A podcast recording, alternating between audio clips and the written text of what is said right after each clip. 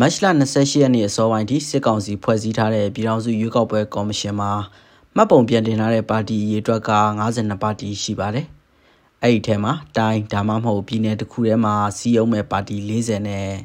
ပြည်ထောင်စုတဝန်လုံးစီးအောင်မဲ့ပါတီ12ပါတီတို့ပါဝင်ပါတယ်။လက်ရှိတည်ဆဲနိုင်ငံရေးပါတီတွေဟာ62ပါတီရှိတာကြောင့်ကျန်တဲ့39ပါတီဟာဖျက်သိမ်းခံရဖို့ရှိနေတာပါ။စစ်ကောင်စီကပြဋ္ဌာန်းထားတဲ့နိုင်ငံရေးပါတီမှတ်ပုံတင်ဥပဒေသေးအရ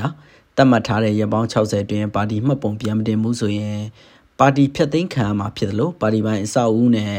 ပိုင်ဆိုင်မှုတွေကိုပါသိမ်းယူခွင့်ရှိနေတာလည်းဖြစ်ပါတယ်။တကယ်လို့စစ်ကောင်စီလက်အောက်ခံရွေးကောက်ပွဲကော်မရှင်အနေနဲ့ပါတီအဆောက်အဦနဲ့ပိုင်ဆိုင်မှုတွေကိုသိမ်းယူမယ်ဆိုရင်တော့တစ်ချိန်မှာတာဝန်ခံရလိမ့်မယ်လို့အမျိုးသားဒီမိုကရေစီဖွဲ့ချုပ်ပါတီဗဟိုလုပ်ကော်မတီဝင်တဦးဖြစ်တဲ့ဦးထွန်းမြင့်ကပြောပါတယ်။ဒီလက်ရှိ UEC ကိုဖွဲ့စည်းပြလိုက်တဲ့စကားစားတွေနဲ့အချမ်းချက်လုပ်ရတဲ့ဒီမှာ အာဏာသိမ်းပြီးတဲ့တောက်လျှောက်ကျူးလွန်လာခဲ့တာဖြစ်ပါတယ်။ဒီလိုကနေပြည်သူတွေရဲ့အိုးစီးကိုဒီမတရားတစ်ဖြစ်ရွာလုံးကျရရှိရတာဆက်နော်အကျန်းဖက်လို့ရတူတော့များစွာကျူးလွန်နေဖြစ်ပါတယ်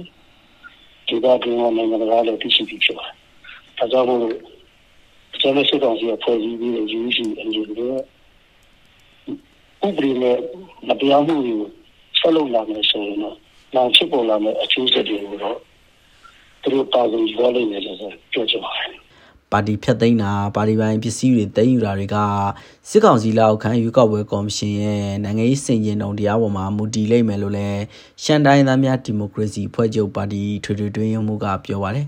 ကျွန်တော်တို့ပါတီကိုဆက်လက်ပြီးတော့ပတ်ပုံမတင်တော့ဘူးဆိုတဲ့ခါကျတော့ပတ်ပုံပြည့်တော့ပြည့်ပြည့်တယ်။ဘုလို့လည်းပါတီကိုဘယ်တော့ဆက်သိမ်းမယ်ပါတီပိုင်းပစ္စည်းတွေ ငွေကြီးတွေကိုဘယ်လိုပုံစံမျိုးနဲ့သိယူမယ်ဆိုတာတော့ UEP ရဲ့သဘောထား UEP ရဲ့နိုင်ငံရေးစင်ကြင်တုံတရားပေါ်မှာမူတည်ပါလိမ့်မယ်ရခိုင်ဒီမိုကရေစီဖွဲ့ချုပ်ပါတီ ALD ကတော့ကုန်ကြစည်တွေကိုကိုယ့်အိတ်ထဲကကိုသာစိုက်ထုတ်သုံးဆွဲရတဲ့ပါတီဖြစ်ပြီးပါတီရင်းပိုင်ဆိုင်မှုတွေဘာမှမရှိတာကြောင့်ဘာမှစိုးရိမ်စရာမရှိဘူးလို့ဆိုပါတယ်အဲ့ဒါကတော့ပါတီပိုင်ဆိုင်မှုရှိတဲ့ပါတီတွေအနေနဲ့မှာတော့တမျိုးပေါ့လေ တမျိုးပေါ့လေဟိုမှာဟိုမှာ NLD တို့လိုတခြားတခြားအဲ့လိုပါတီကြီးတွေပေါ့လေ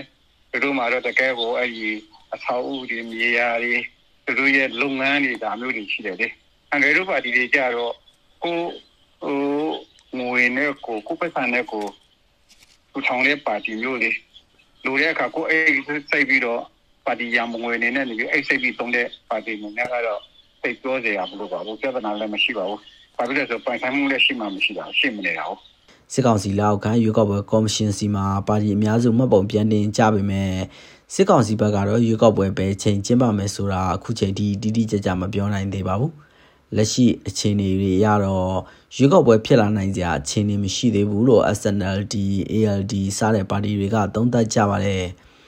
လက်ရှိမှတ်ပုံနေရှောက်ထားတဲ့ ပါတီတွေနဲ့ပတ်သက်လို့ခွင့်ပြုမပြုတော့စစ်ကောင်စီဘက်ကစီးစစ်အောင်မှာဖြစ်ပြီးခွင့်မပြုဘူးဆိုရင်တော့မှတ်ပုံမတင်တဲ့ပါတီတွေလိုပဲမှတ်ပုံနေလိုလျောက်ပြက်ပြက်မှာဖြစ်ပါတယ်ကျွန်တော်ထားအောင်ပါ